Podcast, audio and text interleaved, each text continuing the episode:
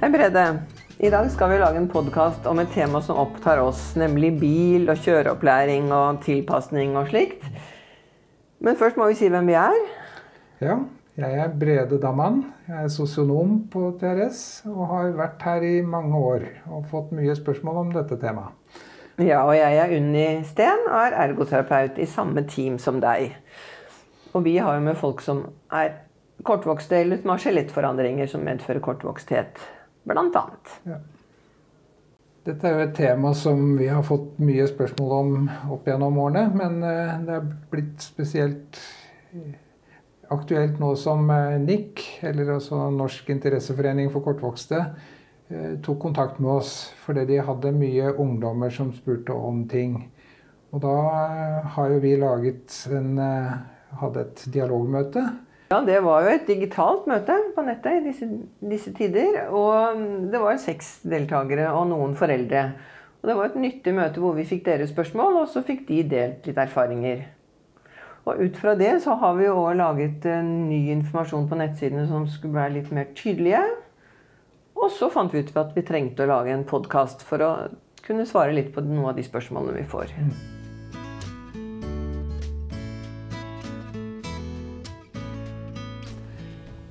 Ja, Når vi får spørsmål og snakker om bil, så er det jo ofte eh, Spørsmålet dreier seg jo om eh, øvelseskjøring. Og det er jo ofte ungdommer som eh, ser fram mot hva Nå nærmer jeg meg 16 år og skal begynne å, å kjøre. Men er det så enkelt? Eller hva er det egentlig som skal til for å, for å få begynt å kjøre?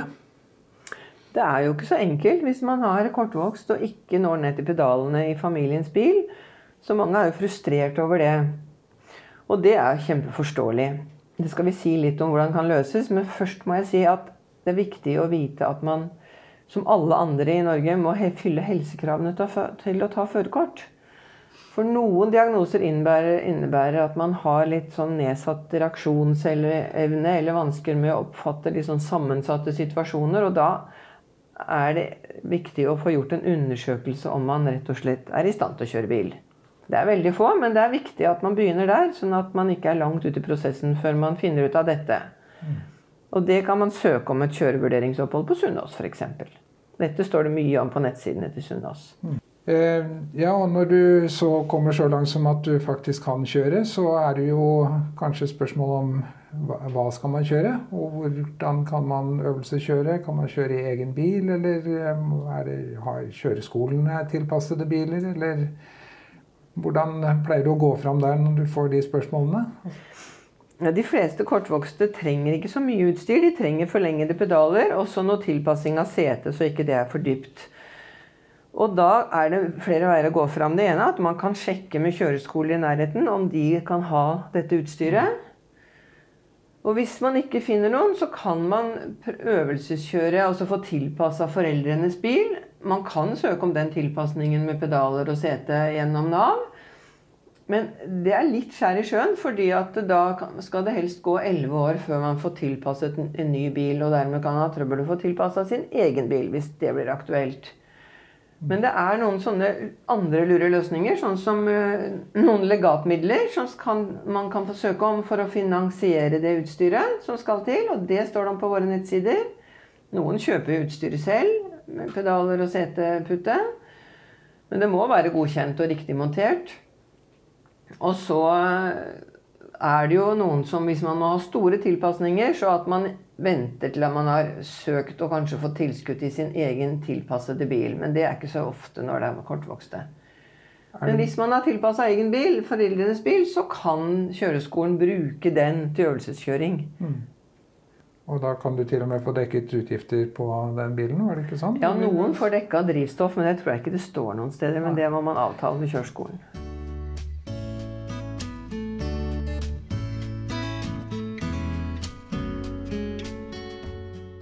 Nå har vi jo snakket litt om det som gjelder alle som skal ha seg bil, men så er det jo også en del spørsmål om det å få støtte til bil, som, eh, som er også er en mulighet. Eh, får du mye spørsmål om det? Ja, det er det mye spørsmål om. Og det er jo blitt et stadig mindre nåløye. Men det er tre hovedtemaer. Det ene er at man må ha en varig funksjonsnedsettelse som gjør at man ikke kan benytte offentlig transport. Og så er det ikke så svart-hvitt, fordi at de, det, det, de sier at det skal være en for stor belastning å ta offentlig kommunikasjon til å fungere med det man skal fungere med i dagliglivet, om det er jobb eller utdanning eller eh, greie oppgavene i dagliglivet. Og det kan dreie seg om å komme seg til bussen, det kan dreie seg om å komme seg inn på bussen, opp på setet, og sånne ting må beskrives godt. Det er en del sånn personlig informasjon som må beskrives. Og det er vel litt avhengig av når på året og sånne ting også. Altså det, det er ikke alle dager som er like, eller spiller Nei. inn her? Og noen ganger så må man måtte beskrive det når det er vanskeligst. Det er, altså man skal jo klare dette hele året rundt, på is og snø og alle slags forhold. Så man må beskrive når det virkelig er vanskelig. Og at ikke transporten, offentlig transport kan dekke det behovet du har for å komme deg dit du skal. Og så er det noe med dette med at den belastningen eh, Selv om de kan klare å gå til bussen, så om belastningen er så stor at de ikke har noe krefter til det de skal gjøre når de kommer frem, så skal det også tas hensyn til, vel? Ja, det er viktig å beskrive. Og så er det dette her at du må beskrive behovet du har for bil. For Nav kaller det et reelt og betydelig transportbehov for bil. Og det må du beskrive veldig godt. Og nå er søknaden heldigvis blitt mye bedre. Du, for du må beskrive hvor du skal, og hvor ofte du skal dit. Alt med besøke venner og familie, gjøre innkjøp og alt du, alt du trenger bil til. Og hva du ikke får gjort hvis du ikke har bil. Og det er vel også der med å tenke på hva man kunne ønske å gjøre når man eh, har en transport som er egnet. Mm. Så det er, ikke, det er ikke bare hva du gjør, aktivitetene du er i gang med nå, men det er også hva du kunne ønsker å drive med. Ja, nettopp. Og så er det en del transportforhold, eller transportordninger da, som fins, med transport til og fra lege og til skole og arbeidsreiser og TT-kort og, og elektrisk rullestol, så man må beskrive hva man trenger bil til utover disse transportmåtene.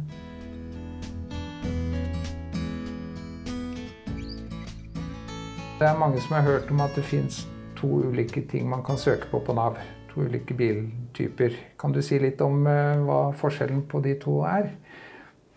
Ja, det er på en måte to tilskuddsordninger. Det ene er tilskudd til, de, til bil til de som er i utdanning eller arbeid. Og det er ofte en personbil. For den, den andre typen tilskudd, det er tilskudd til spesialtilpasset kassebil. Og, og det er for de som er avhengig av å ha med seg enten altså ha med seg rullestol, enten kjøre inn med rullestol, eller i hvert fall ha den med seg som dit man kommer. Ja. Og for begge to så gjelder det at de, må, at de ikke skal kunne benytte offentlig transport og de tingene vi Ja. nevnte tidligere. Det ligger helt i bånn. Men det med utdanning og arbeid, eh, det kan være Altså utdanning er eh, at man driver med en utdanning utover videregående skole. Og arbeid kan være at man er i lære, eller at man har en sånn godkjente arbeidsretta tiltak som fører til arbeid også. Man må ikke være i noe, og man må ikke være i full jobb. Men det skal være lønnsarbeid. Det skal ikke være Ja. tiltaksarbeid hvor det er eh, offentlig støtte til det, bare. Det er helt riktig. Og kassebil kan selvfølgelig også være at man trenger den for å komme i jobb eller utdanningssted. Men der, den kan man også få hvis man trenger bil bare for å dekke eller bare og bare, men for å dekke alt annet transportbehov i dagliglivet. Ja. Så den kan man få hvis man ikke er i arbeid eller utdanning også.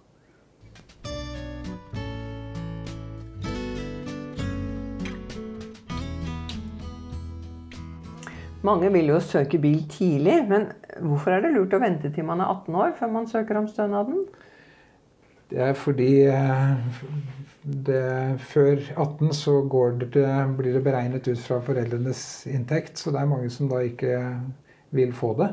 Som kanskje kunne fått bil hvis de venter til de er 18.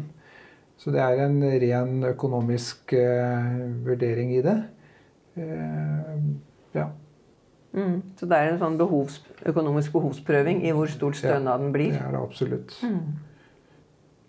Ja, nå har vi snakket litt om, eh, om det med å beskrive funksjonen. Men det er jo også det å beskrive transportbehovet som er en utfordring og som mange syns er vanskelig. Har du noen tanker og tips på den biten?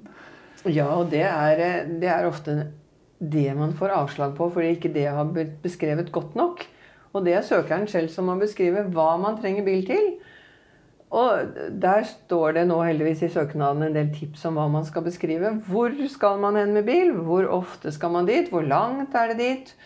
Og det gjelder både å besøke venner og familie og handle og fritidsaktiviteter og verv i foreninger og alt man gjør hele dagen. Så man må på en måte brette ut livet sitt litt. Mm. Søknaden eh, om stønad til bil da, den, eh, den, ligger jo vet jeg, på Nav sine nettsider og er nå digital. Mm. Det er viktig å ha med tre parter når man skal fylle ut denne søknaden. og Det er jo da personen selv som må beskrive det. Og så er det fastlegen som også må være med og uttale seg. Og så er det veldig lurt å ha en ergo- eller fysioterapeut i kommunen som kjenner lokale forhold. Her er det jo ofte du har kontakt med dem, hvordan de beskriver situasjonen. Mm, de skal skrive en funksjonsvurdering, og det ligger som et eget skjema inni den søknaden. Og de skal beskrive da hva som, som, gjør at det er vanskelig for eh, den som søker å benytte buss og tog. Mm.